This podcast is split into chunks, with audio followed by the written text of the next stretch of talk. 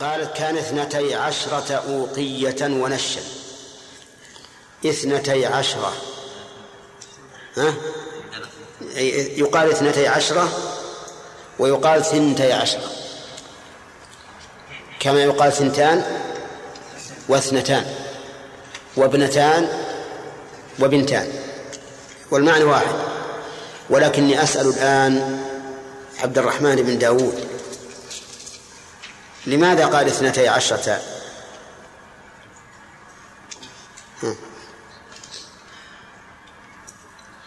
ولم يقل اثنتا ولم تقل اثنتا عشرة خبر كان خبر كان وكيف تعربه؟ صداقة اسمها واثنتي عشرة خبر كل الدنيا هذه كل الثلاث؟ منصوب مبني هذا. عشرة نعم مبني. وش وش وين مبني إيش؟ تمييز. مبني تمييز؟ يسمى منصوب الجزئين منصوب الجزئين؟ أي 12 15 ما هو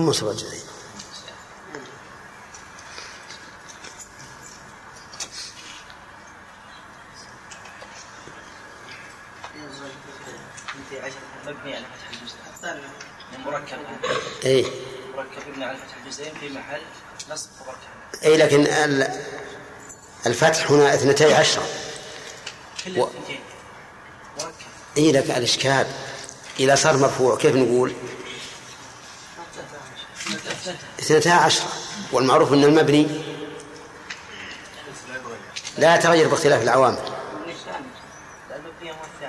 ها؟ يعني يعرب على الثاني. اثنتين لابد انه معرب ولهذا نعم. الأول معرب والثاني عشرة إيه. نعم هم يقولون إن الأول معرب. هذا مستثنى. والثاني لا محل له من الإعراب لأنه بمنزلة التنوين. بمنزلة التنوين. يعني كالتكميل. وهذا مما يدل على أن اللغة هي الحاكمة. وليست قواعد النحو. لأن مثل هذا هذا المثال ما يستطيعون عنه جوابا مقنعا. لأنهم قالوا مبني على الجزئين. قيل لهم كيف يكون مبني وهو يتغير باختلاف العوامل. والمعروف أن ما يتغير باختلاف العوامل لا يسمى مبنيا. وإن قالوا معربا قلنا طيب معربا أقرب من كونه مبنيا لكن ماذا تقولون في عشرة؟ قالوا هذه لا محل من إعراب لأن لأن لأنه لا يصح أن يكون مضاف أن يكون مضافا ومضافا إليه ولكنها بمنزلة التنوين. يقال لهم طيب لماذا لم تقولوا بهذا في ثلاثة عشر؟ وتقول مركب فهو معرب بفتح الجزئين مبني على فتح الجزئين على كل حال الذي نرى أن نقول كما قال أظن الكسائي قال أي كذا؟ ها؟ كذا خلقت. أي كذا خلقت؟ فنقول هذه اثنتا عشرة نطق بها العرب في حال الرفع بالألف وفي حالي النصب والجر بالياء. وقول ونشا كأن أبا سلمة رحمه الله لا يعرف معنى النش ولهذا قالت له أتدري من النش؟ إلى آخره. النش أي النصف إذن نقول النش لغة بمعنى النصف فإذا قال قائل هذا غير معروف قلنا وليكن غير معروف عندك لكنه معروف عند عند أم المؤمنين رضي الله عنها التي هي من أفصح النساء. فيقال ستة دراهم ونش أي ونصف وهذه لغة عربية صحيحة. أتدري ما النش؟ يعني أتعلم ما هو؟ قال قلت لا. وقالت نصف أوقية. فإذا كانت اثنتا عشرة ونصف أوقية يقول تقول فتلك خمسمائة درهم. لأن الأوقية أربعون درهم. فعشرة في أربعين؟ أربعمائة. واثنتان في أربعين ثمانين. كذا؟ والنصف عشرون. يكون الجميع خمسمائة درهم. نعم. فهذا صداق رسول الله صلى الله عليه وسلم لأزواجه. خمسمائة درهم فقط. الدرهم يساوي عندنا شيئا زهيدا. إذا جعلنا كل مئتي درهم إسلامي ستة وخمسين ريالا عربيا من الفضة. كم تكون خمسمائة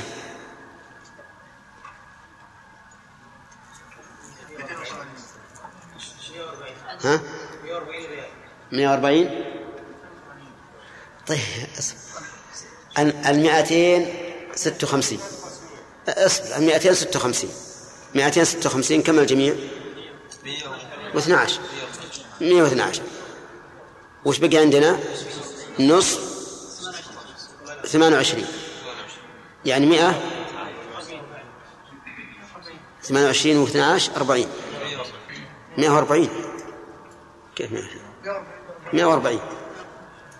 صداق الرسول عليه الصلاة والسلام مئة وأربعون ريالا بالريال السعودي.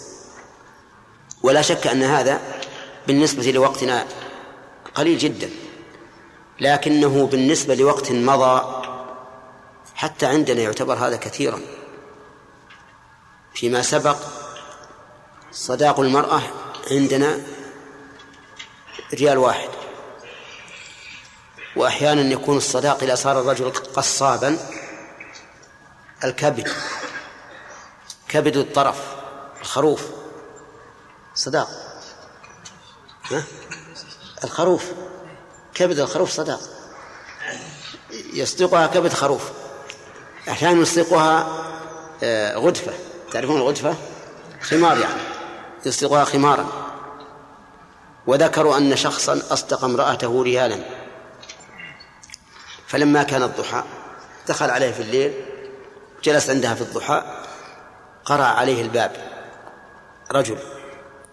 فنزل ليفتح له فلما فتح له تخاصموا إياه وارتفعت أصواتهما وقال لا أسجننك إن لم توفيني إن لم توفني سجنتك. ففزعت المرأة. زوج ما دخل عليها إلا البارح وهذا بيشكيه وكذا حبسه مشكل قالت له ماذا يريد؟ قال إنه يطلبني ريال. وإذا الريال اللي عندها قالت خذ أعطه إياه. فخرجت المرأة؟ ها؟ مجانا. لكنها على كل حال طابت نفسها بعد أن تم العقد. فالمهم إن هذا صدق الرسول عليه الصلاة والسلام. نستفيد من هذا الحديث فوائد منها حرص السلف على العلم. لسؤال أبي سلمة ابن عبد الرحمن. ولكننا نسأل هل سؤال أبي سلمة يقصد به مجرد الاطلاع أو يقصد به الاستدلال لحكم شرعي؟ الثاني لا شك وهذه كانت أسئلة السلف. لا يسألون عن الشيء إلا من أجل أن يبنوا على هذا السؤال أحكاما شرعية. خلافا لما يعتاده كثير من الناس اليوم يسألون للاطلاع فقط ولهذا تجد بعض الناس يسأل هذا الرجل ويسأل الرجل الثاني والثالث والرابع لمجرد أن ينظر ماذا عنده وهذا خلاف هدي السلف. من فوائد هذا الحديث جواز مخاطبة الرجل المرأة إذا كان لمصلحة لأنه إيش؟ خاطب عائشة رضي الله عنها وسأله ومن فوائده جواز تدريس المرأة للرجل. يعني يجوز أن تدرس المرأة رجالا. يمكن منين يؤخذ؟ قد يقال إن في أخذها أي هذه الفائدة من هذا الحديث نظرا لأن هناك فرقا بين أن أن تنصب المرأة نفسها معلما للرجال وبين أن تسأل عن حكم شرعي. والفرق بينهما ظاهر لأن الأول قد يؤدي إلى الاختلاط ويؤدي إلى كثرة الكلام ويؤدي إلى المحاباة. والمرأة كما تعرفون ناقصة العقل سريعة العاطفة. لو أن الرجل تملق لها أو ضحك في وجهها ها لجذبها كما يجذب الخروف إلى المجزرة. هذا هو الواقع. فلهذا قد يعارض بالاستدلال في هذا الحديث فيقال هناك فرق بين رجل سأل امرأة عن مسألة شرعية هذا لا بأس ولا أحد يقول هذا حرام. بخلاف التي تنصب نفسها مدرسا للرجال. ثم إن هناك فرقا بين أمهات المؤمنين اللاتي في قلوب الناس لهن من الاحترام والإجلال. ما يمنع أن يكون هناك شبهة. ولهذا قال الله لأمهات المؤمنين لا تخضعن بالقول فيطمع الذي في قلبه مرض. يعني يرحمك الله. يعني لن يطمع إلا من في قلبه مرض. أما من قلبه سليم صحيح فإنه لا يطمع. طيب.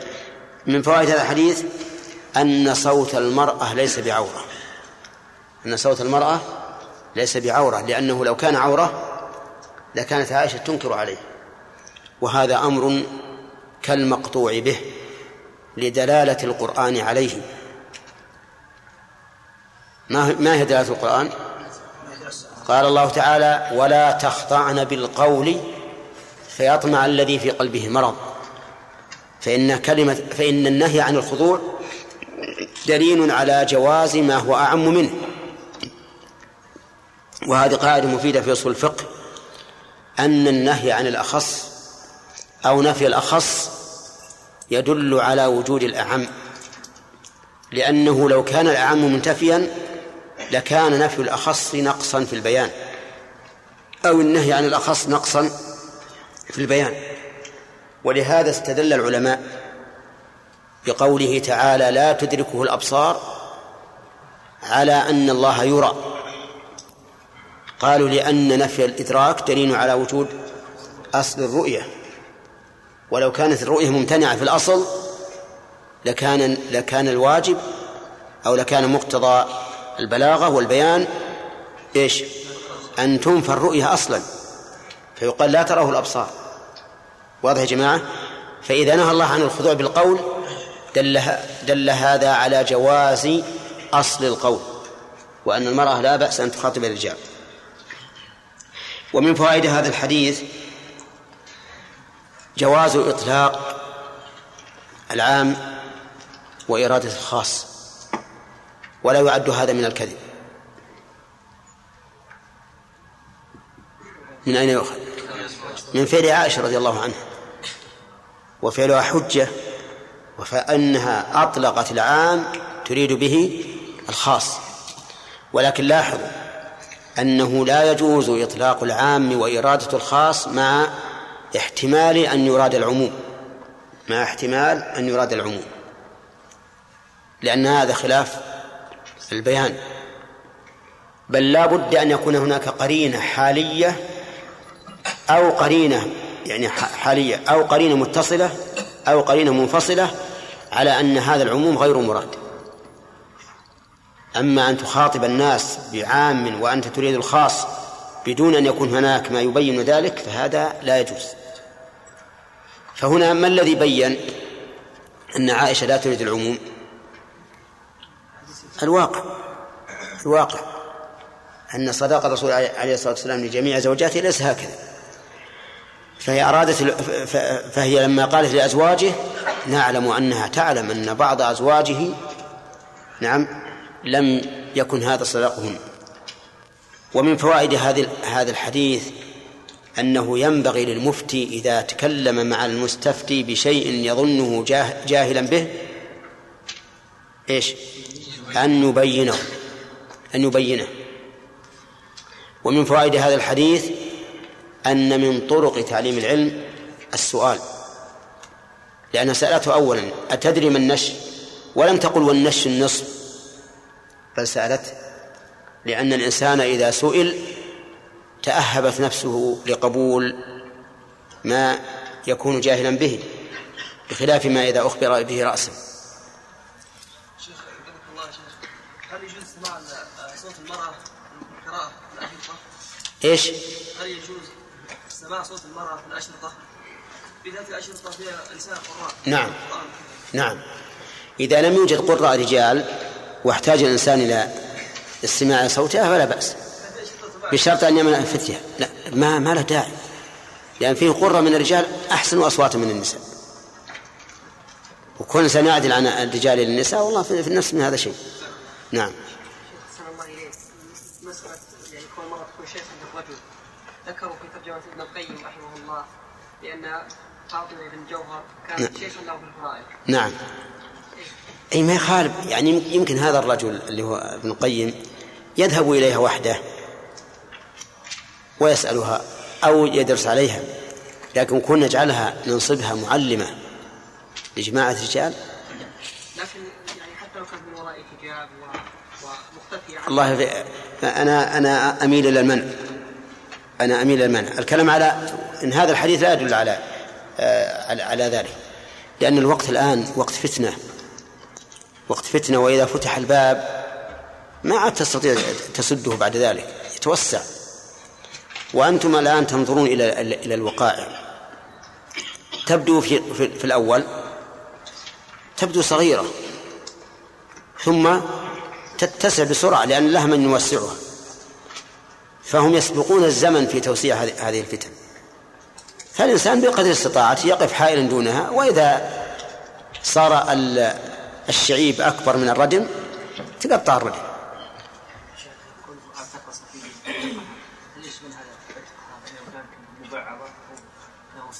أي. أي نعم نعم نعم. الظاهر حتى لو لو أعتق نصفها مثل كانت مبعضة واشترى نصفها وأعتقه يشمل.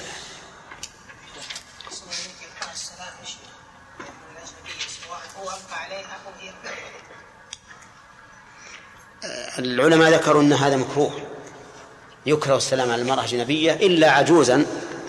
يعني جرت عادتها بمخاطبة الرجال فلا بأس. فلو مررت مثل بعجوز تبيع أشياء زهيدة. بعض بعض الأجهزة تبيع أشياء زهيدة. طاقية ولا آه، أشياء بسيطة. نعم ولا بيز. أنت أهل أبو فلان وش عندك اليوم؟ نعم بشرط أن تؤمن الفتنة هذا لا بأس به. أما أما شابة تلتقي بشاب تسلم عليه ويسلم عليها هذا محظور نعم.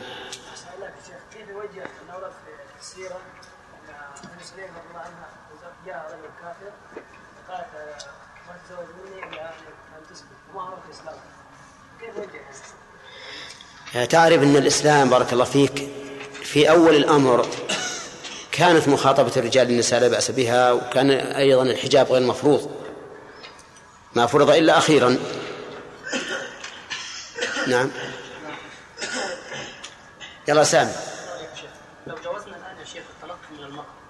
إيش؟ لو قلنا بالجواز يا شيخ بناء على الفائدة التي ذكرنا نحن. لو جوزنا على هذه الفائدة التلقي من المرأة كيف تكون الطريقة يا شيخ؟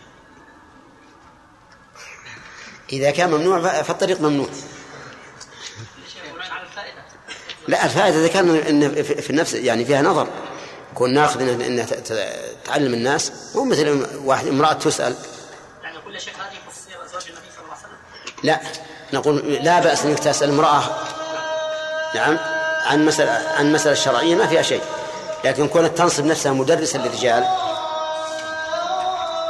الله أكبر. مكسور ما آه، قبل مكسور؟ ترقى. يقال خالد. ما هو اصطلاحا؟ هو عوض يدفع يعطى وما ألحق به نعم. ما ألحق به؟ كوطئ الشبهة. نعم. ووطئ الزنا كرها. على المشهور من المذهب. طيب. يلا عبد الملك لماذا سمي صداقا لأن الخاطب صدق في الرغبه في هذه المراه لأنه لأن بذله يدل على صدق هذا في في طلبه لهذه المرأة. طيب مر علينا فيما سبق ما يدل على أن النكاح ينعقد بما دل عليه ولو بغير لفظ النكاح والتزويج. نعم شرافي أعتق. ولم يذكر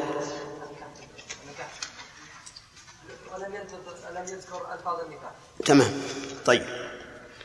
آه، ماذا تقول في هذا القول يا خليل؟ هل هذا صحيح أن النكاح ينعقد بما دل عليه ولو بغير لفظ الإنكاح والتزويج؟ يعني لو قال الرجل جوزتك بنتي جوزتك بدل زوجتك. يصح ماذا تقول؟ صح؟ إلا على إلا على مذهب الحنابلة يقول ما يصح لازم زوجتك. لو قال جوزتك ما صح. طيب لو قال أعطيتك بنتي عند العقد ها؟ لو سكت وعقد لا وش عقد؟ عقده بيش حبل؟ شلون؟ لا لا بد لا بد. إلا إذا كتبه كتبه. قال زوجتك بنتي هو كتبه الولي. وإذا وقال قبلت. المعروف الآن اللي يكتب العقد هو المأذون. المأذون يقول عقدت الزواج لفلان على فلانة بولاية أبيها مثلا. طيب المهم على كل حال ينعقد بكل لفظ دل عليه. بأي لفظ يكون؟ حتى لو كان بلفظ غير عربي إذا كان معلوما لدى الزوج والولي والشاهدين كفى. طيب. مر علينا أنه يجوز إطلاق العام وإرادة الخاص في التعبير العربي كان صداقة لأزواجه قول عائشة كان صداقه لأزواجه. كيف عرفنا ذلك؟ لأن عائشة رضي الله عنها لا تريد لا تريد خصوصية أزواجه إيش؟ لا تريد عامة أزواجه الله من أين عرفنا أنها لا تريد ذلك؟ في الحديث السابق. ما هو؟ جعل صداقة عائشة جعل؟ صداقة عائشة صداق عائشة. صفية عتق طيب صح. إذن هذا عام أريد به الخاص. طيب ما هو الأصل في اللفظ العام؟ أن يراد به الخاص أو العموم؟ العموم. ولهذا لا نعدل عنه إلا بدليل. تمام. طيب خمسمائة درهم كم تساوي بالنقد الحاضر؟ كم؟ مئة؟ تساوي مئة وأربعين ريالا. طيب.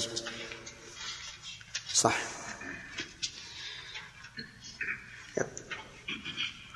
ذكر العلماء رحمهم الله قاعدة أو ضابطا فيما يصح أن يكون مهرا. فما هو؟ داود. لابد أن يكون أن يصح أجرة. يعني لابد أن يكون مالا متمول مالا. إيش المال؟ اي أي مال يعني نقود؟ مال لا. شيء يصح أن يكون اجره ما صح عقد البيع أو الإجارة عليه؟ آه، صح أن يكون مهرا. طيب. صح؟ ما صح أن يعقد عليه عقد البيع أو الإجارة؟ صح مهرا. كذا. هل يصح على المنافع؟ نعم. خالد صح يصح مثل. مثل أن يرعى الإبل إبلها لمدة سنة. كما فعل رسول الله موسى عليه السلام لصاحب مدين. أو يزرع. صح. في المزرعة أي نعم تمام. طيب رجل تزوج امرأة وأصدقها خمارا. أي نعم يجوز؟ لأن الخمار يصح. عقد البيع؟ عقد البيع عليه. طيب. آه، أصدقها يا خالد؟ فصفصة. ما ما يصح هذا. ليش؟ لا ليس بس لا ما له. يجمع فصفصة الثاني الثالثة أربعة خمس. هذا ما يمكن. فصفصة تباع أو إيه. ما يمكن. يعني لا لا يمكن أن يعقد عليه. لا يصح عقد البيع عليه. صح. أو مثل قال قشر بيضة. وما أشبه ذلك مما لا يتمول عادة فإنه لا يصح أن يكون مهرا طيب. نقرأ الدرس. قال وعن درس الليلة وعن ابن عباس رضي الله عنهما قال لما تزوج علي فاطمة علي علي بن أبي طالب ابن عم الرسول صلى الله عليه وسلم. وفاطمة بنت الرسول صلى الله عليه وسلم وهي سيدة نساء أهل الجنة رضي الله عنها كما ثبت ذلك عن النبي صلى الله عليه وسلم. وعلي قال فيه النبي عليه الصلاة والسلام أنت مني بمنزلة هارون من موسى إلا أنه لا نبي بعدي. قال ذلك حينما خلفه على أهله في غزوة تبوك. فقال يا رسول الله تجعلني مع النساء والصبيان؟ فقال ذلك له تطيبا لقلبه ولأن هارون خلف موسى في قومه حيث قال اخلفني في قومي وأصلي فهذا معنى قوله أنت مني بمنزلة هارون من موسى. لكن لما خاف النبي عليه الصلاة والسلام أن يتشبث متشبث بهذه الكلمة ويقول إن عليا نبي كهارون قال غير أنه لا نبي بعدي. وهذا مما يدل على شدة حماية النبي صلى الله عليه وسلم لمقام الرسالة كما أنه شديد الحماية لمقام التوحيد. وإلا فمن المعلوم من القرآن والسنة أنه أي النبي صلى الله عليه وسلم خاتم النبيين وأنه لا نبي بعده لكن خاف أن يتشبث متشبث بهذا. لكن الرافضة قالوا علي إمام وادعوا أن الأئمة أفضل من الأنبياء وأن لأئمتهم مقاما لا يناله ملك مقرب ولا نبي مرسل. يقول لما تزوج علي فاطمة قال له رسول الله صلى الله عليه وسلم أعطها شيئا. أعطها شيئا يريد مهرا. قال ما عندي شيء. ابن عم الرسول عليه الصلاة والسلام ما عنده شيء؟ يصدقه زوجته. قال فأين درعك الحطمية؟ الدرع يحتمل أن يراد به درع الحرب. ويحتمل أن يراد به درع اللباس العادي. فإن القميص الذي نحن نلبسه يسمى درعا والدرع الممرد من الحديد يسمى يسمى درعا أيضا. يسمى درعا وأظن بعضكم قد شاهده. الدرع الذي يلبس في الحرب. عبارة عن حلقات صغيرة مربوط بعضها ببعض منسوجة نسجا نعم يلبسها الرجل حتى تقيه السهام. وهو ثقيل لكن هناك أجسام قوية تتحمل هذا هذا الدرع. وقول الحطمية نسبة إلى بطن من عبد قيس يعني من العرب كأن مشهورة بهم. ففي هذا الحديث دليل على أنه أولا دليل على فضل علي بن أبي طالب رضي الله عنه. وذلك حين أنكحه النبي صلى الله عليه وسلم ابنته. فإن هذا لا شك يورث قرابة فوق قرابته النسبية. هذه قرابة صهرية. قرابة صهر فاجتمع لعلي بن أبي طالب رضي الله عنه قرابة النسب وقرابة الصهر. وعثمان بن عفان زوجه النبي صلى الله عليه وسلم ابنتيه رقية وأم كلثوم. وقد جاء رجلان إلى ابن الجوزي رحمه الله يتنازعان. في علي وعثمان أيهما أفضل؟ فقال ابن الجوزي أفضلهما من كانت ابنته تحته. أفضلهما. لا أنا قلت عثمان ولا في علي وأبي بكر؟ في علي وأبي بكر. فقال أفضلهما من كانت ابنته تحته.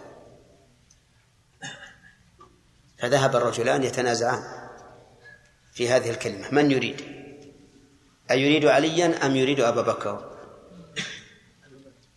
ها؟ نعم.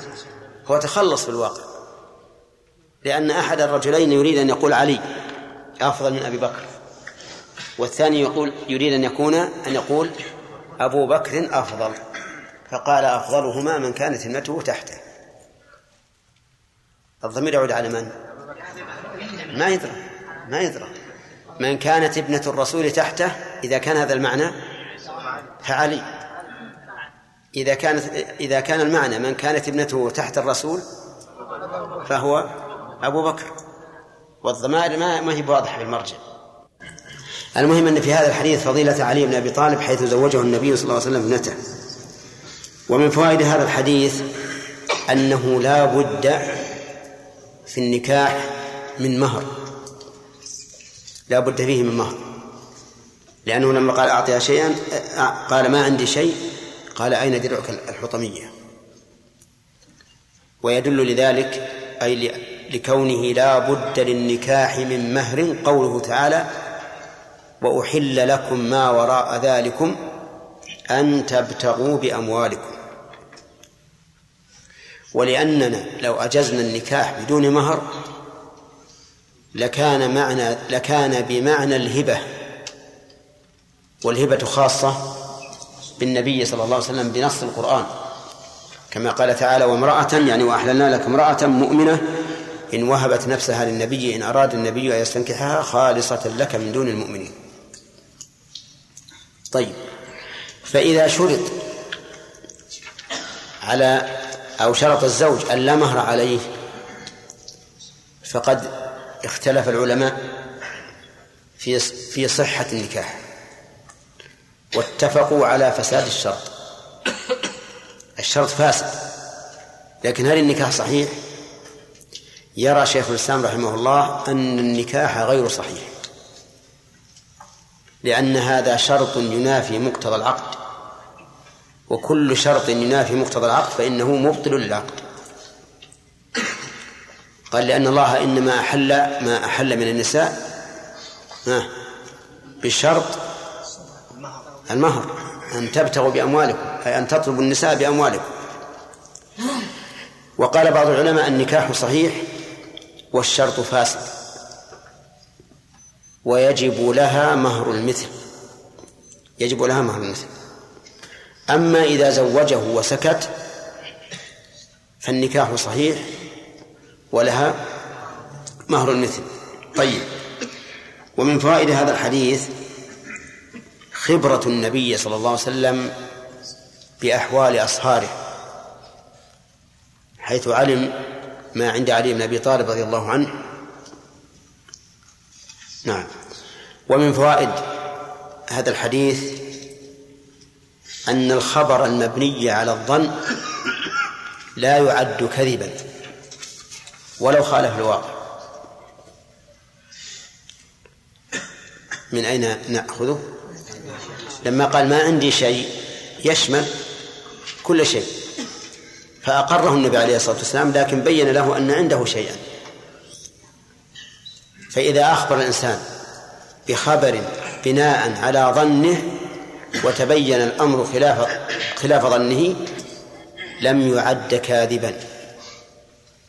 ويتفرع على هذه الفائدة أنه لو حلف على شيء بناء على غلبة ظنه فإنه لا يحنث. فإنه لا يحنث. ولا فرق بين أن يكون هذا في المستقبل أو في الماضي. فإذا قيل لشخص فلان سيقدم غدا قال والله ما يقدم. بناء على غلبة الظن ثم قدم فإنه لا حنث عليه. لا حنث عليه كما كما تفيد هذه القاعدة التي أخذت من السنة.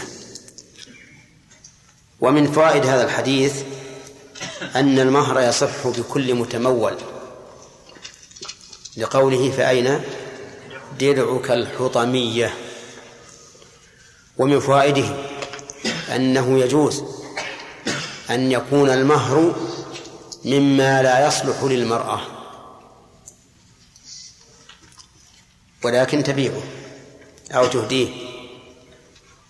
كيف ذلك؟ لأن الدرع إن كان درع الحديد الذي يتوقى به السهام فإن المرأة لا تلبسه عادة. وإن كان الدرع لباس الرجل فالمرأة أيضا لا تلبسه لأن المرأة لا يجوز أن تتشبه بالرجال. طيب فإذا قال قائل هل أصدقها علي هذا الدرع أو, ماذا؟ نقول الواقع أن الحديث ليس فيه ذكر لجواب علي. يعني علي لم يقل عندي ولم يقل بعتها ولم يقل أريد ولم يقل أريد أن أصدقها غيرها. فهو محتمل. لكن ربما يقول قائل إن الذي يقرب ها أنه أصدقها إياه. هذا هو الظاهر. لأن قول الرسول أين درعك الحطمية؟ يعني أصدقها إياه. فيكون الظاهر أنه أصدقه أصدقها إياه. وعن عمرو بن شعيب عن أبيه عن جده رضي الله عنهما قال قال رسول الله صلى الله عليه وسلم أيما امرأة نكحت على صداق أو حباء أو عدة قبل عصمة النكاح فهو لها وما كان بعد عصمة النكاح فهو لمن أعطيه وأحق ما أكرم الرجل عليه ابنته أو أخته رواه أحمد والأربعة إلا الترمذي. قوله صلى الله عليه وسلم أيما امرأة نكحت أيما هذه من أسماء الشرط التي تجزم كم؟ فعلين الأول فعل الشرط والثاني جواب الشرط. وهي مبتدأ ونكحت. طيب وما زائدة؟ أيما لأنها لو حذفت لاستقام الكلام. لو قيل أي امرأة نكحت وامرأة مضافة إلى مضاف إليها أي مضاف إليها أي. وقول نكحت هذا فعل الشرط. وجوابه فهو لها فهو لها. يقول أي امرأة نكحت على صداق. رحمك الله. وسبق معنى الصداق. أو على حباء. وهي ما نعرفه أو ما نسميه نحن بالهدايا التي تبذل لها. وهي خارجة عن الصداق لكن لها حكم الصداق. أليس كذلك؟ يعني الزوج يعطي الصداق. ولنقل دراهم أو ثيابا أو فرشا ويعطي هدايا كالحلي وشبه. أحيانا تسبق الهدايا العقد وأحيانا تكون بعده وقوله أو عدة. عدة مؤنث وعد. يعني أو وعد. نكحت على وعد بأن قال الزوج أنا أعدكم بأن أعطيكم مثلا ألف ريال. هذه عدة.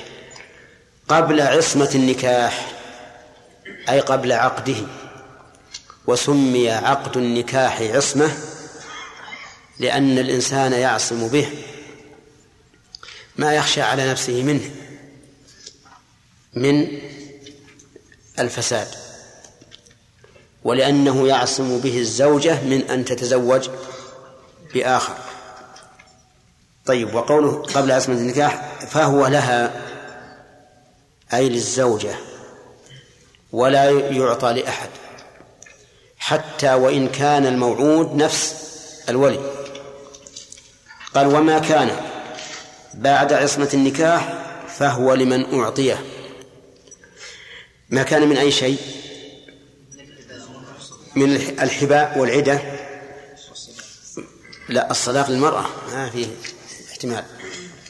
فهو لمن أعطيه فهو لمن أعطيه سواء كان الذي أعطيه الأب أو العم أو الأخ أو الأم أو غير ذلك.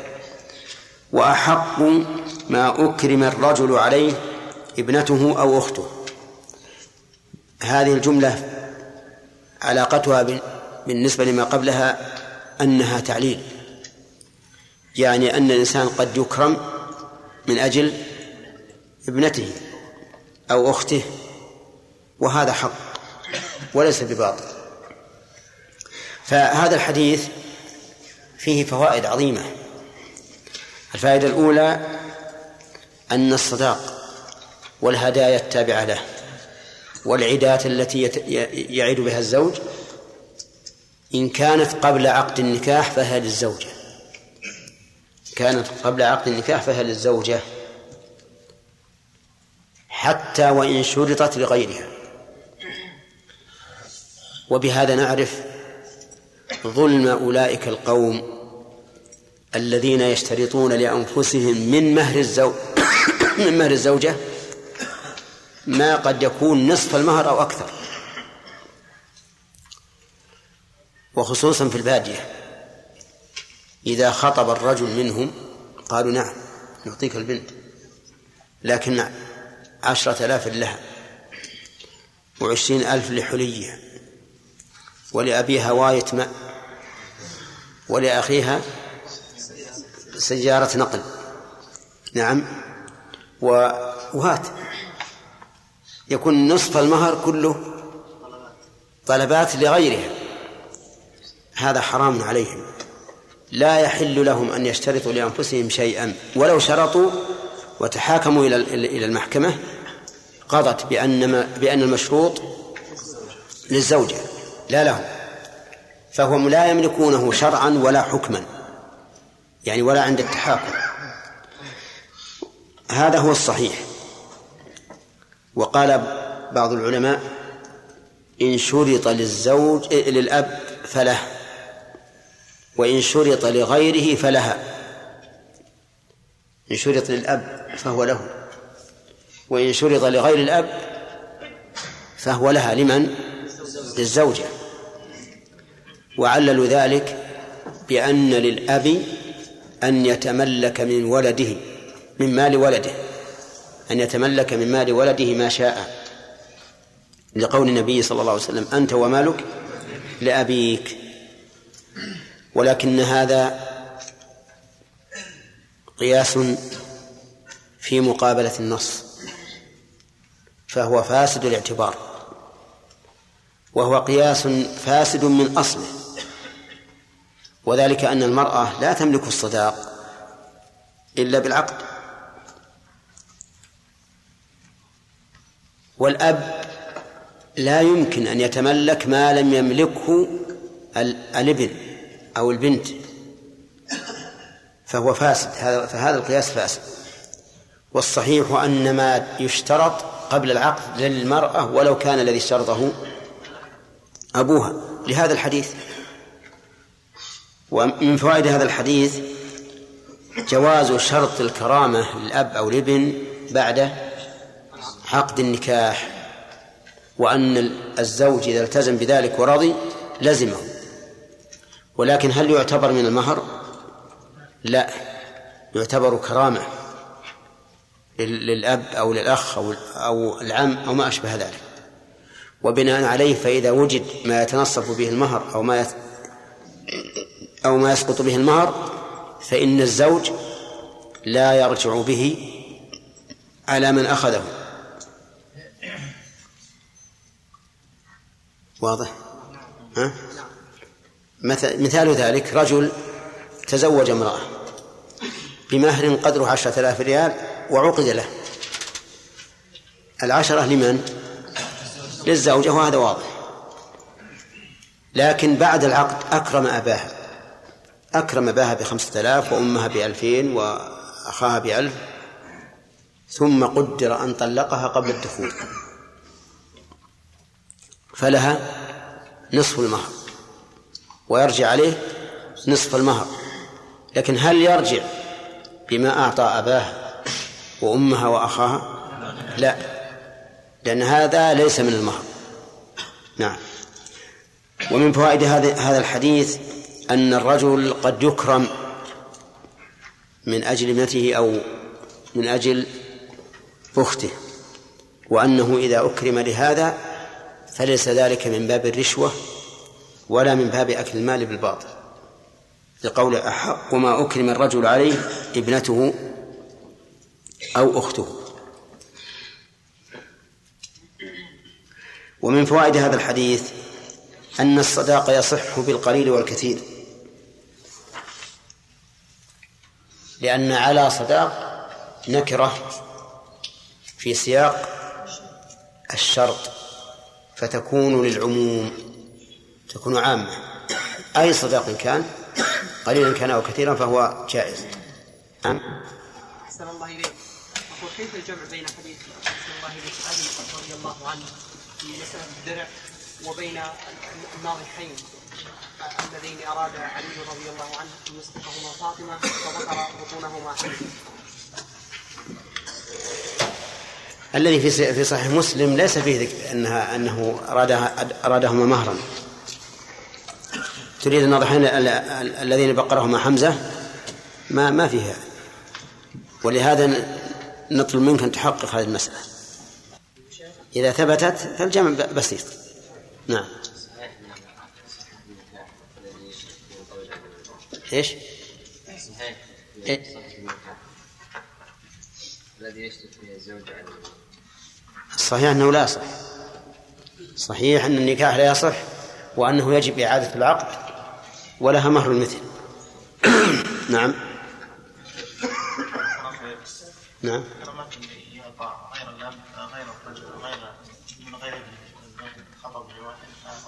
إيه. يسأل يقول إذا كان إذا خطب شخص لآخر امرأة وأعطاه مكافأة هذه ما تسمى إكرامة هذه تسمى مكافأة. لا بأس. من صنع عليكم معروفا فكافئوه. نعم يا غانم. قصة شعيب يا شيخ نعم. يقولون انها اشترط لنفسه. نعم. ما ليس للمرأة ما رأيك؟ وش تقولون؟ عن هذا جوابان. الجواب الأول أن شريعتنا وردت بخلافه. والجواب الثاني أنه حقيقة للمرأة لأنه إذا قام بالرعي فإن المرأة تكفى بهذا ولا ولا ترعى فتكون حقيقته عائدة له إلا إلا أنه لا نبي بعد. الرافضة يستدلون بهذا على على ولاية علي. نعم. فيقولون أنه ما زاده حتى في الولاية نعم. كما الرد من هذا الحديث نفسه؟ ذكرت لك الرد سبب هذا القول. ما سببه؟ أنه خلفه في أهله في غزوة تبوك وجزع رضي الله عنه. قال كيف تجعلني بمنزلة الصبيان والنساء؟ فأراد أن يطيب قلبه بأني جعلته خليفة كما جعل هارون كما جعل موسى هارون خليفة. عموم اللفظ نعم. عموم اللفظ. تقيد الحال. تقيد الحال. القرينة تقيده. نعم. عن ابن عباس رضي الله عنه قال لا عن علقمة.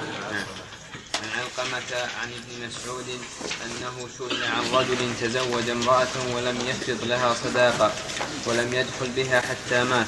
فقال ابن مسعود لها مثل صداق نسائها لا وك- لا وكس ولا شطط وعليها العدة. ولها الميراث. فقام معقل بن سنان الأشجعي فقال قضى رسول الله صلى الله عليه وسلم في بروع بنت واشق امرأة منا مثل ما قضيت ففرح بها ابن مسعود. رواه أحمد والأربعة وصححه الترمذي وحسنه جماعة. وعن جابر بسم الله الرحمن الرحيم. الحمد لله رب العالمين والصلاة والسلام على نبينا محمد وعلى آله وأصحابه أجمعين. سبق لنا ما يدل على أن من أهدي له هدية من المهر فإنه لا يكون له إلا بتفصيل. فما هو التفصيل؟ للمرأة قبل نعم. ليس لغيره. نعم. ولو اشترطه ولي ولي. نعم. وأما بعد أسود النكاح فلمن أعطي تمام. صح؟ تفصيل أنه إن كان قبل عصمة النكاح يعني قبل العقد. فهو للمرأة.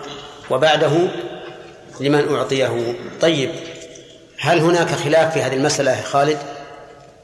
نعم يا شيخ. قال أحسن الله إليك. قالوا شرط للأب. الفقهاء. نعم. وألحنابلة. أي نعم. ها. قال من شرط للأب فهو له. لأن النبي صلى الله عليه وسلم قال أنت ومالك لابيك نعم. وإن شرط لغير الأب فهو له. نعم. نعم. ماذا تقول في هذا في هذا الرأي؟ هذا ضعيف كيف هو وقد قالوا؟ إن النبي صلى الله عليه وسلم قال أنت ومالك لأبيك نعم لأن نقول إن إن الأب لا يتملك إلا إذا تملكت المرأة الإبن أو البنت فتملك الأب فرع عن تملك الإبن أو البنت نعم وهنا البنت والإبن ما تملك فكيف نعم. يملك الأب؟ آه. القياس ما يصح ثم هو مصادم النص مصادم النص الموجود انه مطلق إنه لا يجوز زاد عصمة النكاح إذا كان نعم. هو للزوج إيه نعم. إذا نرد بوجهين أولا مصادمة النص والثاني أنه كما قال خالد أصلا ما ملكت الصداق حتى نقول ينطبق عليه الحديث أنت ومالك لأبيك. فيها أيضا مصلحة ثالثة أظن أشرنا إليها وهي منع جشع بعض الأولياء الذين يجعلون بناتهم كأنهن سلع من أعطاه أكثر زوجه ولو كان أسوأ الناس دينا وخلقا. ففيها أيضا درء مفسدة. يعني الأخذ بمقتضى هذا الحديث فيه درء مفسدة وهو أن لا تتخذ النساء سلعا. من أعطي أكثر وافق. ثم قال وعن عن عن علقمة عن ابن مسعود. علقمة؟ إلا. كملنا. الصداق هذا في سياق الشرط فيعود. كيف؟ على الصداق أي امرأة إيه ما كملنا الفوائد أربعة طيب أعطني إياه موجزة أولا أن الصداق والهدايا والعينات التي يعد بها الزوج إن كانت قبل العقد فهي للزوجة وإن كانت قد فهي لغيرها. الثاني جواز شرط الكرامة للأب أو الإبن بعد عقد النكاح وأن الزوج إذا تزوج ذلك رضي لزمه، لكن هل يعتبر من المهر إلى آخره. الثالث أن الرجل قد يكرم من أجل ابنته أو من أجل أخته. الرابع أن الصداق يصح بالقليل الكثير لأن على الصداق نكرة في سياق الشرط. تمام آه، فيها كفاية عن علقمة أحد أصحاب ابن مسعود المشهورين وابن مسعود معروف رضي الله عنه ممن خدم النبي صلى الله عليه وسلم وكان صاحب الوسادة والسواك. وكان يدخل إلى بيت النبي عليه الصلاة والسلام حتى كأنه آه، واحد من أهله.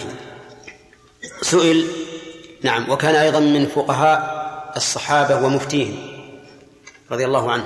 سئل عن رجل تزوج امرأة ولم يفرض لها صداقا ولم يدخل بها حتى مات. فقال ابن مسعود رضي الله عنه لها مثل صداق نسائها. لا وكس إلى آخر. سئل عن رجل والسائل كما قلنا مرارا لا يهمنا تعيينه لأن المقصود معرفة المسألة وحكمها. وقوله تزوج امرأة ولم يفرض لها صداقا أي لم يقدر لها صداقا. لأن الفرض بمعنى التقدير. كما قال الله تعالى فنصف ما فرضتم يعني من المهر أي ما قدرتم ولم يدخل بها حتى مات. ولكن النكاح صحيح. و, و فقال ابن مسعود لها مثل صداق نسائها. بدلا عن عن عدم تسمية المهر. لأنه لو سمي الصداق وفرض لم يكن لها أكثر مما فرض لها. لكنه لم يفرض فلها مهر نسائها. وقوله مثل صداق نسائها. من المراد بالنساء؟ المراد بالنساء المماثلات المماثلات لهن لا لها. المماثلات لها. سنا وجمالا ودينا وخلقا وحسبا ومالا. كم هذه؟ ستة أشياء. نعيدها. ما هي؟ والثاني ودينا وخلقا وجمالا وحسبا ومالا. لا بد من هذا لأن النبي صلى الله عليه وسلم قال تنكح المرأة لأربع لمالها وحسبها وجمالها ودينها. فاظهر بذات الدين. فنحن نقول هذا هذه مهر نسائها. يعني النساء اللاتي يماثلنها في هذه الأمور الستة. لا وكس ولا شطط. الوكس النقص والشطط الزيادة. المعنى لا ينقص منه ولا يزاد عليه. وعليها العدة. العدة ال هنا للعهد للعهد الذهني. فيكون المراد بها عدة الوفاة. لأن المر... لأن المفارقة هنا بإيش؟ بوفاة أي عليها عدة الوفاة وما هي؟ أربعة أشهر وعشر في هذه المسألة لأن المرأة لم يدخل بها وليست ذات حمل أما لو كانت ذات حمل فعدتها وضع الحمل حتى لو وضعت قبل أن يتم تغسيل زوجها انتهت عدتها لكن هذه المسألة اللي معنا آه، ليست حاملا. ولها الميراث. لها الميراث. بماذا استدل ابن مسعود رضي الله عنه؟ أو بماذا أخذ هذا الفقه من الكتاب والسنة؟ نقول أما بالنسبة لقوله لها لها مثل صداق نسائها فأخذه من قوله تعالى وأحل لكم ما وراء ذلكم أن تبتغوا بأموالكم. أن تبتغوا بأموالكم. وهنا لا بد من الابتغاء بالمال. المال لم يعين فيرجع إلى قيمة المثل. يرجع إلى قيمة المثل. وقيمة المثل بالنسبة للمرأة هو مهر نسائها وأما قوله عليها العدة فلعموم قوله تعالى والذين يتوفون منكم ويذرون أزواجا يتربصن بأنفسهن أربعة أشهر وعشرة. وأما قوله ولها الميراث فلعموم قوله تعالى ولهن الربع مما تركتم وهي زوجة فتكون داخلة في هذا العموم. فقام معقل بن ابن سنان الأشجعي فقال قضى رسول الله صلى الله عليه وسلم في بروع بنت واشق امرأة منا إلى آخره. يعني لما سمع هذا الكلام قام يؤيد هذا القول. يؤيده بسنة عن النبي صلى الله عليه وسلم. وقول في بروع بنت واشق بروع اسم امرأة ولهذا لم ينصرف والمانع له من الصرف العالمية والتأنيث. طيب المعنوي أو اللفظي؟ المعنوي. طيب امرأة منا هذه عطف عطف بيان وليست نعتا لأن امرأة نكرة ولا تكون النكرة صفة لمعرفة. نعم امرأة منا وإنما قال امرأة منا ليبين أنه على توكيد من هذه المسألة. لأن المرأة إذا كانت منهم فسوف يكونون أعلم الناس أعلم الناس بها. مثل ما قضيت. مثل ما قضيت. أي مثل ما حكمت به.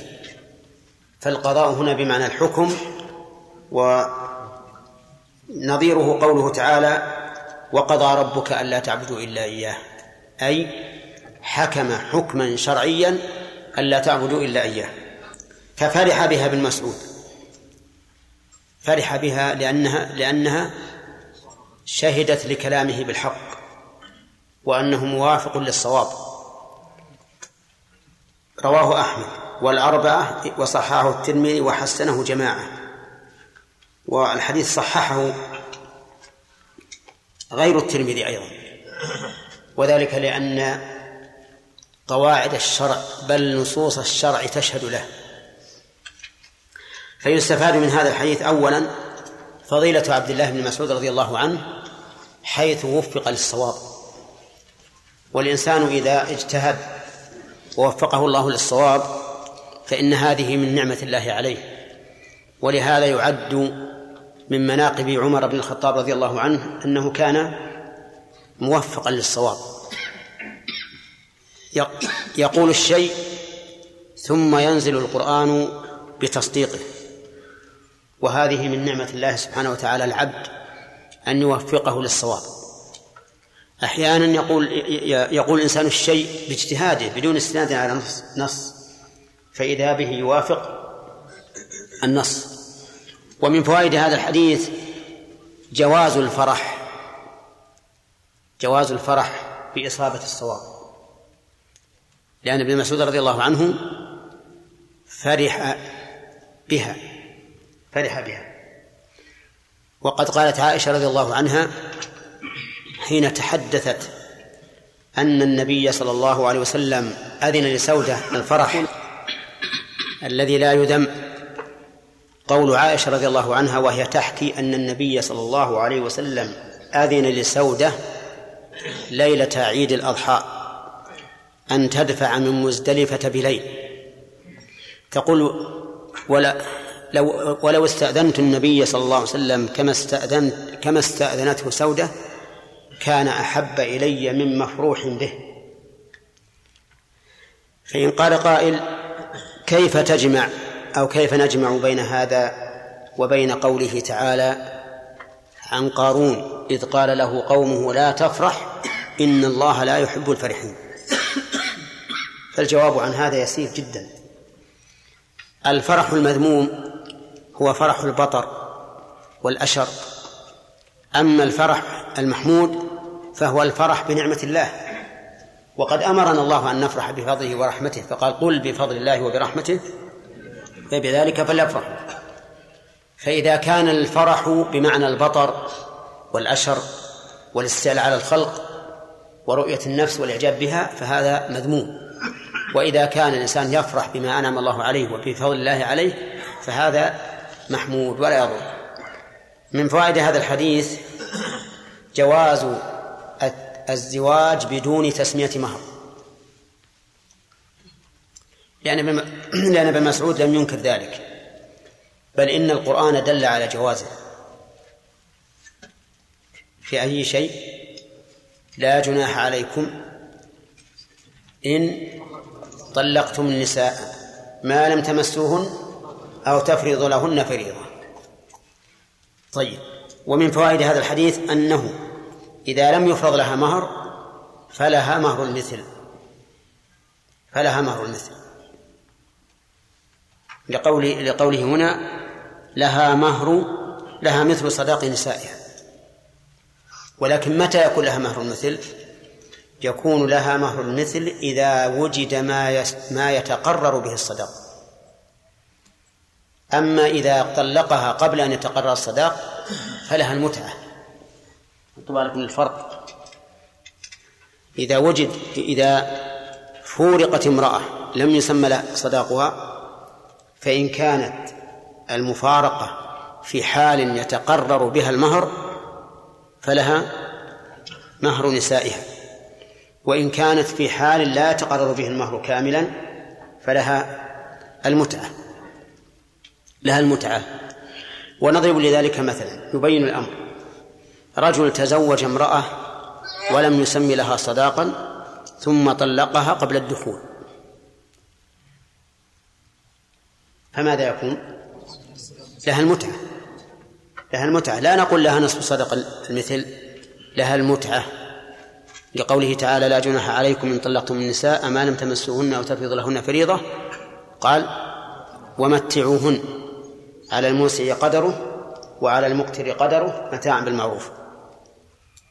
المثال الثاني رجل تزوج امرأة ولم يسمي لها صداقا ودخل بها ثم طلقها. ما الواجب؟ الواجب مهر المثل مهر المثل لا المتعة. فيقال ما مهر مثل هذه المرأة في الأوصاف الستة التي ذكرناها فإذا قيل مهر مثل عشرة آلاف قلنا لها عشرة آلاف. فتبين بهذا أن النكاح بدون تسمية الصداق إيش؟ جائز. وأن لها مهر المثل إن وجد ما يقرر المهر. وإن فارقها قبل وجود ما يقرر المهر فلها إيش؟ فلها المتعة. هذا ما لم تكن ما لم يكن الفسخ منها. فإن كان الفسخ منها قبل الدخول فليس لها شيء لأنها هي التي اختارت الفسخ. طيب من فوائد هذا الحديث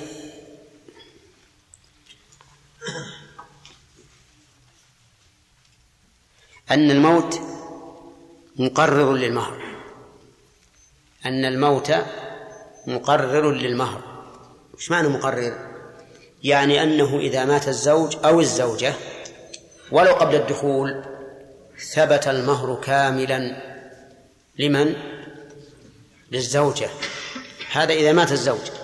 وإذا ماتت هي يكون المهر لورثتها.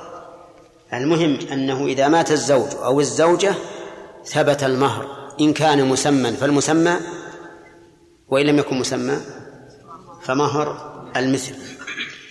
وهذا بلا خلاف بين العلماء أنه إذا مات أحد الزوجين تقرر المهر. حطوا بالكم يا جماعة.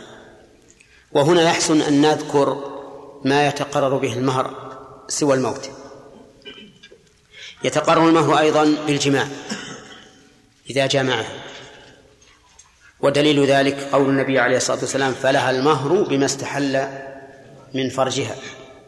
فإذا جامع الرجل زوجته ثم طلقها ثبت لها المهر كاملا بالنص.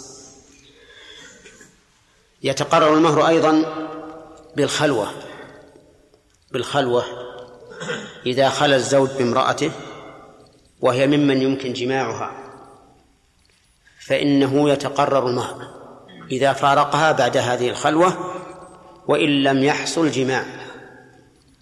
هذا هو المشهور من مذهب الإمام أحمد رحمه الله. حطوا بالكم جماعة.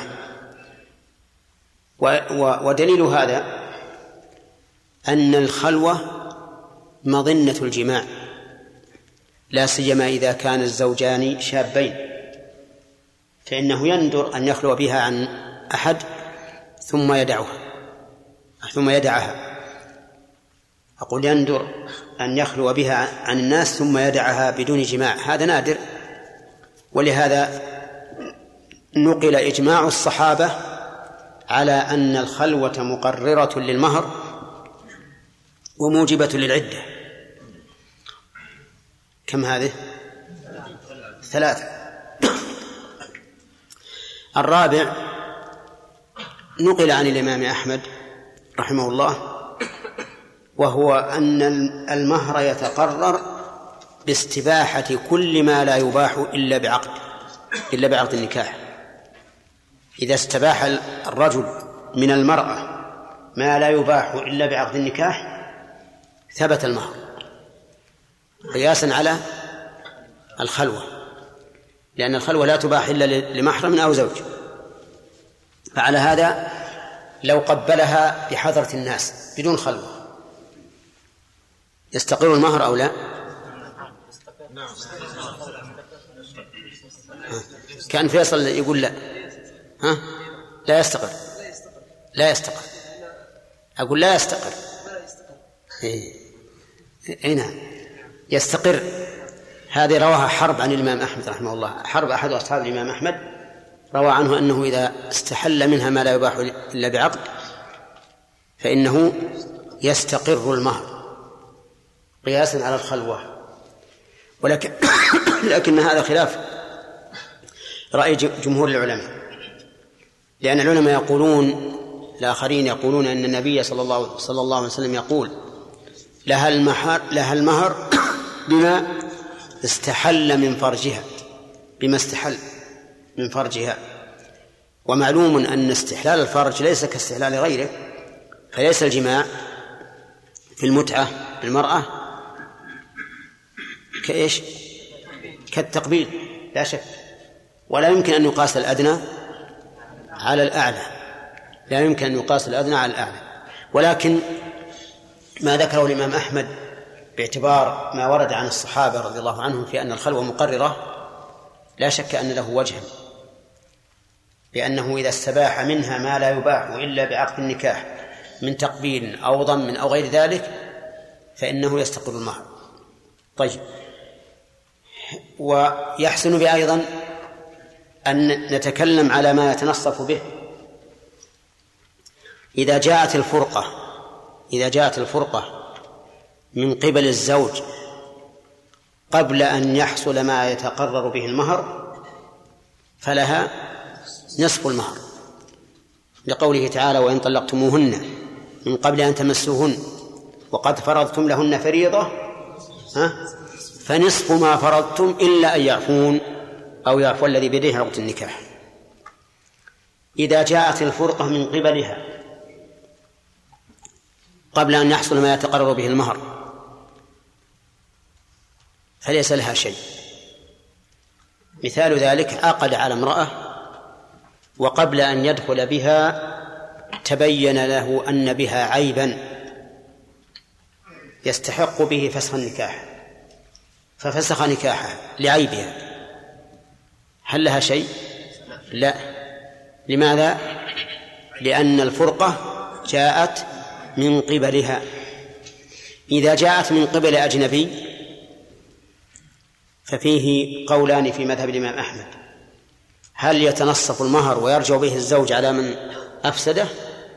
أو لا يتنصف ولا ولا يستحق لا لا تستحق المرأة شيئا. فيها قولان والظاهر أنه يتنصف وتعطى المرأة النصف ويرجع الزوج به على من؟ على من تسبب للفراق. هذا هو العدل لأن المرأة ليس منها شيء حتى نقول ليس لها مهر. وهذا رجل معتدي فيعامل بعدوانه.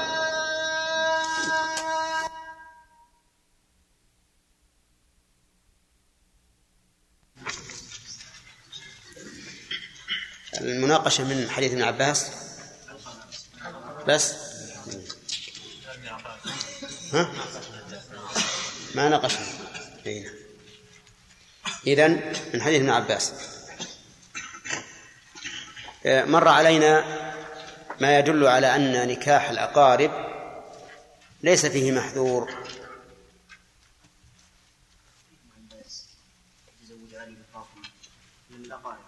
نعم. ما صلتها به؟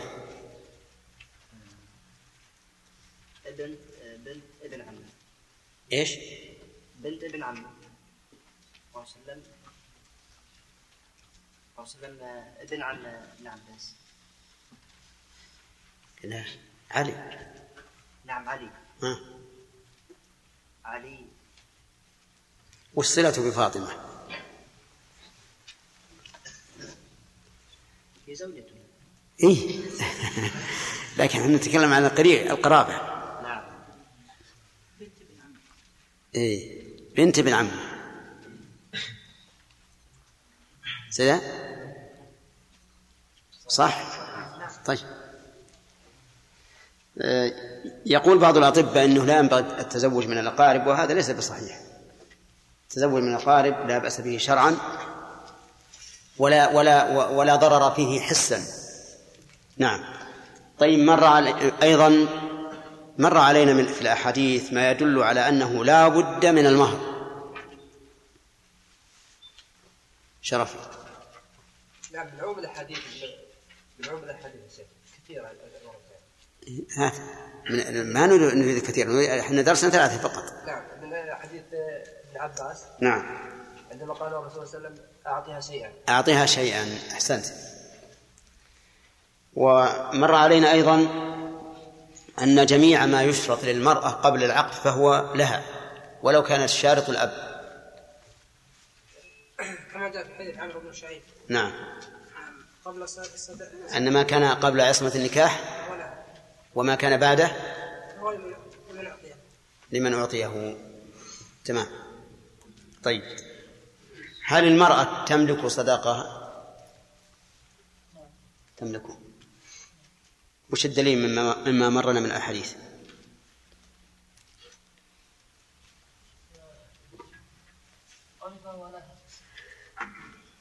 فهو لها. واللام للتمليك وقول الرسول صلى الله عليه وسلم لعلي أعطها شيئا. وقول ابن مسعود لها مثل صداق نسائها. طيب يتقرر المهر بأمور ثلاثة ذكرناها. الموت والجماع والخلوة نعم. وذكرنا قولا آخر أنه يتقرر إيش؟ الموت مجمعين على العلم لا لا لا. ذكرنا قولا آخر يتقرر بغير هذا. آه. ما يستباح بدون النكاح بكل ما يستباح ما بكل ما لا يستباح إلا بعقد إلا بعقد النكاح. تمام. طيب. رجل تزوج امرأة ثم مات عنها قبل الدخول. ولم يسمي لها صداقة. فماذا نصنع؟ يفرض لها بمثل مهر النساء بالنسبة للعدة؟ العدة عليها العدة إذا كان عليها العدة أربعة أشهر عليها العدة بس ما بعد سألنا عن مقدارها طيب عليها العدة. الميراث؟ الميراث الميراث. نعم. طيب. هذا هل دليل هذا يا عبد الملك الحديث الموقوف على ابن مسعود أو الحديث المرفوع. حديث المرفوع ربما معكم سنان رضي الله عنه. قال قال رسول الله صلى الله عليه وسلم في بروة بنت هاشم لها نعم. هذا مرفوع تمام. نريد أن نأخذ هذا الحديث يا سعود. آه، مسألة مسألة. ما هو دليل وجوب العدة عليها؟ إيه، من غير هذا الحديث نبي دليل من الخارج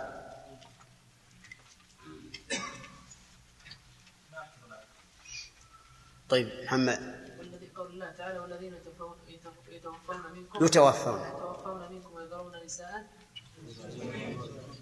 أزواجا. ويذرون ازواجا يتربصن بأنفسهن اربعه أربعة اشهر وعشرا. نعم. طيب. المسألة الثانية الميراث. خالد. ولهن الربع مما تركتم. نعم. وجه الدلالة؟ اللام لام التنبيه إذا كما وجه الدلالة أنه يشمل حتى من لم يدخل بها. اي لقوله مما تركتم. وهذه زوجة. إيه. هذه عموم عموم قوله الزوجة. طيب. الصداق يثبت لها الصداق المنان من قوله تعالى أن تبتغوا بأموالكم محسنين غير مسافرين قال بأموالكم لا إحنا نسأل. تقرر الصداق. تقرر الصداق بالموت. الزوج. زوج مات. فيكون لزوجته المهر يؤخذ من تركته قبل كل شيء إذا كان ما سلموا المطلوب ما هو الدليل على وجوب المهر لها؟ بالموت. من اللي تبي. من أي دليل شرعي؟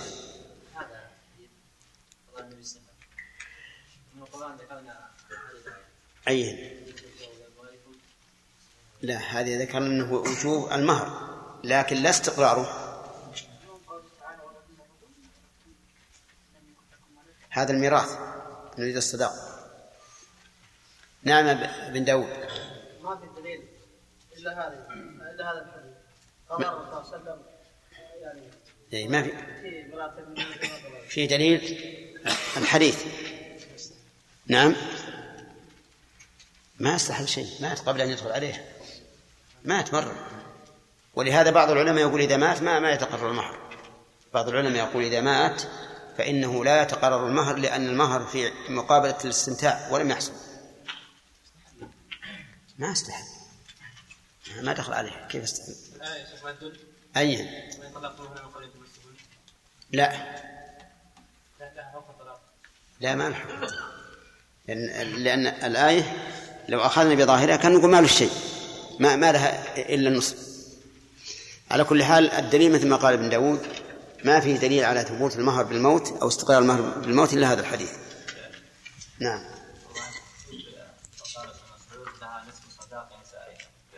لا مثل مثل. غلط. لا غلط صححوه مثل. طيب ما هو صداق المثل أو من هي المرأة المماثلة التي يعتبر صداق هذه المرأة بها؟ فيصل يحيى. ها؟ إذا اتصفت بست صفات نعم. الجمال والمال والحسب والخلق والدين والسن. نعم. هذه ستة؟ طيب.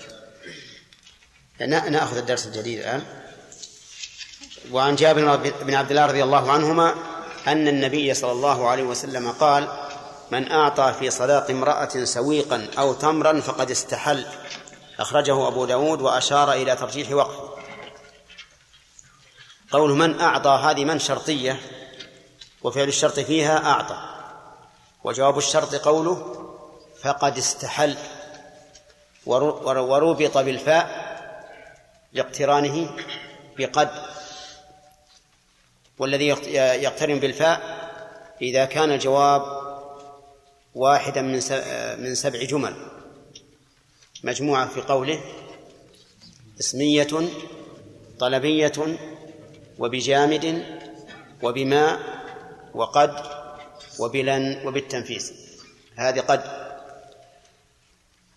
فقوله صلى الله عليه وسلم من, من أعطى في صداق امرأة سويقا. السويق هو الحب المحمس محموس ويطحن ويثرد ويؤكل سواء كان من البر أو من الشعير أو من الذرة أو من أي حب كان. وقول أو تمرا معروف. وقوله من أعطى سويقا آه، امرأة سويقا سويقا نكرة في سياق الشرط. فتكون للعموم يعني قليلا كان أو كثيرا. وقوله فقد استحل أي فقد حل له فرجها. ولكن المؤلف يقول إن أبا داود أشار إلى ترجيح وقفه إلى أنه موقوف على جابر بن عبد الله رضي الله عنهما. وتعلمون أن الموقوف ما كان منتهى سنده الصحابي. أي ما أضيف إلى الصحابي ولم يثبت له حكم الرفع وهذا الذي ذكر هل يمكن أن نحكم له بالرفع نعم. الجواب لا. لأنه مما مما للاجتهاد فيه مجال. وإذا كان للاجتهاد فيه مجال وهو قول الصحابي فإنه لا يحكم له بالرفع لاحتمال أنه قاله تفقها تفقها. أما الشيء الذي لا مجال للاجتهاد فيه ولم يكن الصحابي معروفا بالأخذ عن بني إسرائيل فهذا له حكم الرفع كما هو معروف. يستفاد من هذا الحديث أو الأثر إن لم يصح رفعه إلى النبي صلى الله عليه وسلم أن الصداق يصح بكل قليل وكثير ويؤخذ من قوله سويقا حيث جاءت نكرة في سياق الشرط ومن فوائده أن الصداق يصح بالطعام فلا يشترط أن يكون من النقدين الذهب والفضة لقول سويقا أو تمرا. ومن فوائده أن المرأة لا تحل إلا بصداق لقوله فقد استحل ولكن نظرا إلى أن أنه ليس الغرض المعاوضة في عقد النكاح فإن النكاح يصح بلا تسمية مهر. النكاح يصح بلا تسمية مهر بخلاف البيع. فإنه لا يصح حتى يعلم الثمن. والفرق بينهما أن المقصود والغاية من البيع والشراء هو المعاوضة والربح. فلا بد أن يكون الثمن والمثمن معلومين لئلا يقع التنازل. أما المقصود بالنكاح فهو شيء وراء المال وهو ما يحصل من المصالح العظيمة في النكاح وليس الغرض المعاوضة فلهذا صح بدون تسمية مهر. لكن لا بد منه. فعقد النكاح من وجه أصعب من البيوع. والبيوع من وجه أصعب من النكاح. البيوع البيوع يصح أن أعطيك الشيء هبة دون أن أبيعه عليك. والنكاح لا يصح إلا للنبي صلى الله عليه وسلم. من هنا كان النكاح إيش؟ أصعب وأضيق. البيوع لا تصح إلا محررة الثمن. والمثمن أي معلومة. والنكاح يصح بدون تسمية المهر ويرجع في ذلك إلى مهر المثل. وحينئذ نقول المهر له ثلاث حالات. أن يعين أن يسكت عنه أن يشرط نفيه. فإذا عين فلا إشكال. وإذا سكت عنه وجب مهر المثل. وإذا شرط نفيه فقد اختلف العلماء في ذلك على قولين. القول الأول أن النكاح لا يصح. النكاح لا يصح. وهذا اختيار شيخ الإسلام ابن تيمية رحمه الله. لأن يقول لأننا لو صححنا النكاح مع نفي مع شرط نفي المهر لكان هذا هو الهبة. والقول الثاني في المسألة أن النكاح صحيح والشرط فاسد وحينئذ يجب لها مهر المثل. يجب لها مهر المثل. ولكن قول الشيخ الإسلام رحمه الله أقوى. وبناء عليه نقول لا بد من تجديد العقد إذا سمي المهر. يعني معناه نلزمهم بأن يفرض المهر أو يلغوا نفي الشرط شرط نفيه. ويعيد العقد من جديد. وعن عبد الله بن عامر بن ربيعة عن أبيه رضي الله عنه أن النبي صلى الله عليه وسلم أجاز نكاح امرأة على نعلين أخرجه الترمذي وصححه وخولف في ذلك. نعم. قال أجاز نكاح امرأة على نعلين. أجاز أي حكم بجوازه أو أجاز أي نفذه أي نفذه وكلاهما صحيح لأنه إذا جاز شرعا صار نافذا. عرفت؟ إذا جاز شرعا صار نافذا وقول على نعلين هنا أطلق النعلين ولكنهما لا بد أن يكونا معلومين عند الزوجين. أما نحن فلا يهمنا أن أن تكون النعلان معلومتين أو لا. المهم أن الرسول عليه الصلاة والسلام أجاز على نعلين. يقول إنها إن الترمذي صححه وخولف في ذلك. معنى خولف؟ أي لم يوافق على التصحيح. وعلى كل حال سواء صح الحديث أم لم يصح فإن النعلين من المال. وقد قال الله تعالى أن تبتغوا بأموالكم. وعلى هذا فلو تزوج امرأة على نعلين فالنكاح صحيح. ولو تزوجها على خمار فصحيح. وعلى درع فصحيح. المهم إذا تزوجها على أقل شيء يتمول فالنكاح صحيح. أما فوائد هذا الحديث فهو واضح وهي أن أنه يدل على جواز المهر القليل لأن النبي صلى الله عليه وسلم أجازه. ويستفاد منه أيضا أن إقرار النبي صلى الله عليه وسلم على الشيء حكم يستدل به. وعن سهل بن سعد رضي الله عنه قال زوج النبي صلى الله عليه وسلم رجلا امرأة بخاتم من حديد أخرجه الحاكم وهو طرف من الحديث الطويل المتقدم في أوائل النكاح. هل سبق هذا؟ نعم. في حديث الواهبة نفسها للنبي صلى الله عليه وسلم. ولكن إذا تأملنا الحديثين وجدنا أن بينهما فرقا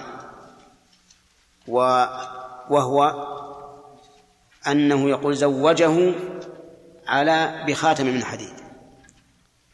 والذي في الصحيحين أنه قال له التمس ولو خاتم من حديد ولم يجد فزوجه على من معه من القرآن. فإن كانت القصة واحدة كما هو ظاهر كلام ابن حجر رحمه الله صار معنى زوجه أي أجاز أن يتزوج على خاتم من حديد. لقوله التمس والخاتم. أما عقد النكاح الذي حصل فهو أنه زوجه بما معه من القرآن. والأمر واضح. يستفاد من هذا الحديث جواز المهر بالقليل لأن الخاتم من الحديد قليل ويستفاد منه أيضا جواز لبس الحديد لأن النبي عليه الصلاة والسلام إنما أجاز أن يكون الحديد الخاتم من الحديد مهرا من أجل أن يلبس ويتحلى به. وفيه أيضا الإشارة إلى تضعيف حديث النهي عن عن التحلي بالحديد وتعليل ذلك بأنه حلية أهل النار. ولهذا حكم بعض المحققين على حديث النهي عن التختم بالحديد حكم عليه بالشذوذ لأنه خالف ما هو أرجح. فإن قال قائل الذي معنا أن الرسول صلى الله عليه وسلم أجاز الخاتم من الحديد. قد وقد يلبس وقد لا يلبس. قلنا لا يمكن أن يصنع خاتم من أجل أن يطرح في الأرض ولا يلبس. لا بد أن يلبس. وعن علي رضي الله عنه قال قال لا يكون المهر أقل من عشرة دراهم. أخرجه الدار قطني موقوفا وفي سنده مقال نعم. هذا الحديث موقوف على علي رضي الله عنه وعلي هو أحد الخلفاء الراشدين الذين يؤخذ بقولهم ويهتدى بهديهم.